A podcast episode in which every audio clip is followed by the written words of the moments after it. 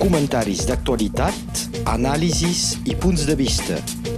La crònica d'opinió amb l'advocat Pere Beca. Bon dia. Aquesta última setmana han passat els 900 dies per als presos polítics més antics, Jordi Sánchez i Jordi Cuixart, de s'assa a la presó. Comparat amb els 24 o 25 dies que portem nosaltres confinats, ja veiem què pot representar.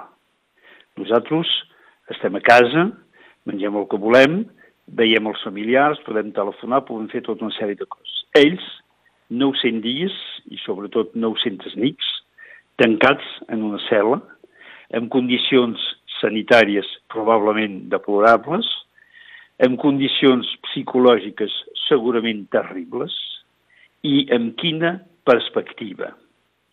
Nosaltres esperem el desconfinament. Serà d'aquí 8, 15, 3 setmanes, un mes com a màxim. Ells els han explicat que haurien d'estar aquí 12 anys, és a dir, 4.380 dies. Si es treu els que ja han complert, encara en queden cap a 3.500. Però quin crim pot justificar una cosa com aquesta? Haver matat algú, haver, no sé, fer una cosa molt greu per la salut pública. Però en aquest cas el que han fet és organitzar un vot. I per això encara s'haurien de quedar 3.500 dies i 3.500 dies a la presó. El govern espanyol, i recordem que aquest govern espanyol va en base d'una aliança amb el Partit Socialista de Catalunya i amb el suport passiu de l'ERC, el govern espanyol com ho gestiona tot això? A veure, la crisi sanitària a Espanya és molt greu. Respecte a la política penal que va portar un govern espanyol, què passa? Fa unes quantes setmanes, en base de l'article 100.2 del Còdic de Detenció espanyol, es va permetre sortides puntuals de tots els presos. Per justificar l'aplicació d'aquest article, s'ha de reconèixer s'ha de demostrar que no hi ha risc per l'ordre públic i que no es pot renovar el delicte. I vam explicar en el seu moment que era molt poc probable que sortint de la presó de seguida es posessin a fer un altre referèndum, que és aquest el delicte que els digui el rebuig. Es va permetre les sortides, inclús per alguns d'ells, d'algun dia seguit que van poder anar a casa. Carme Forcadell va poder anar a cuidar la seva mare, hi ha hagut alguns, eh, alguns actes eh, fets a favor d'associacions o d'entitats de part dels presos polítics, és a dir, un intent de recomençar una vida més o menys normal. I ara què passa? Ells diuen, i a través dels seus advocats, que per mesura sanitària, ja que és demostrat que les condicions de confinament, d'aïllament a la presó no poden materialment ser respectades, demanen la possibilitat, per lo menys tant com dura el confinament, de poder fer el confinament a casa, és a dir, sense sortir, és a dir, amb possibilitat de la policia de, de vigilar-los. I això se'ls hi refusa. I no sols se'ls refusa per al jutge competent, sinó que el mateix Tribunal Suprem fa una declaració prèvia, encara que no se li hagi demanat oficialment res, dient que de totes maneres, si algun jutge permetís que el confinament es faci a casa per als presos seria, de l'aspecte penal eh, del, eh, de la llei espanyola, seria una situació de prevaricació i que, per tant, els jutges no ho han de fer i no ho han fet.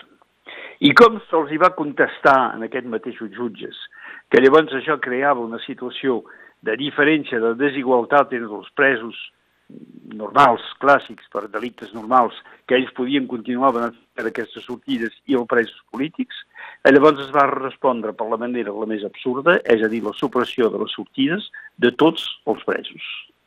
És a dir, que en aquests moments el mateix govern espanyol, socialista, aliat amb socialistes catalans, a través d'una suposada mesura sanitària, estan prohibint a tota una quantitat de gent de beneficiar d'una disposició legal que és el 5.2 i a més d'això estan provocant o riscant de provocar el que s'anomena actualment un clúster, és a dir, un lloc en el qual el virus es pot propagar entre els presos.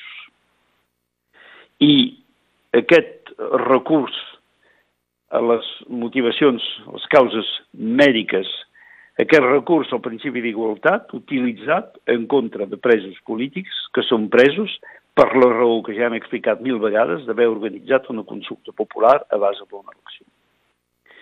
Em sembla que això és la demostració que en aquests moments el govern de l'estat espanyol perd el control precisament de la situació com ho ha perdut en diverses altres coses que a través de la gestió pública de la crisi s'ha fet. La crisi és indiscutiblement més greu a Espanya que no ha sigut a França en aquests moments.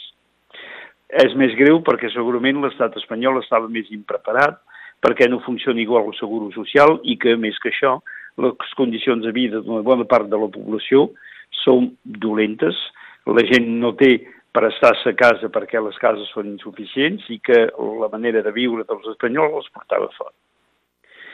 Però quan es veu que, per exemple, l'estat espanyol va comandar a la Xina una quantitat, a través d'avions, eh, una quantitat de màscares, de bruses i de respiradors, i que quan aquesta quantitat va arribar a l'aeroport de Madrid sols va quedar la comunitat de Madrid i no en va anar ni un a Barcelona ni a la Generalitat, Llavors es veu que aquest estat espanyol ha perdut el control i que la Generalitat ha sigut obligada pels seus propis recursos a trobar proveïment d'aquestes coses directament a la Xina, pagant-ho una altra vegada, perquè la primera vegada, evidentment, que a través dels impostos també els catalans ho van pagar. Això és la senyal no d'una voluntat discriminatòria, sinó d'una pèrdua total de control. I aquesta pèrdua de control resulta també de les diferències que existeix a la mobilització pública. M'han comentat des de Catalunya que, bàsicament, eh, les mesures de confinament són respectades. Però també m'han comentat que en altres llocs de l'estat espanyol, i especialment a la Comunitat de Madrid, no ho són, perquè no ho poden ser, perquè és molt més difícil, perquè les condicions d'estat, de, de, les condicions mèdiques, les condicions de vida són molt pitjors. Això significa que l'estat espanyol està fent una política sanitària discriminatòria, discriminatòria en contra dels catalans, però també discriminatòria en contra del part de població que no té mitjans de curar-se. I que, encara que sigui un govern socialista, s'està comportant exactament com altres governs que no es poden qualificar de democràtics, com ara els Estats Units. Crec que estem en un moment, les crisis són un moment de revelació de la realitat política d'uns estats. La revelació de l'estat espanyol és que en aquest moment és totalment insuficient per enfrontar la crisi. Moltes gràcies. Comentaris d'actualitat, anàlisis i punts de vista. La crònica d'opinió amb l'advocat Pere Beca.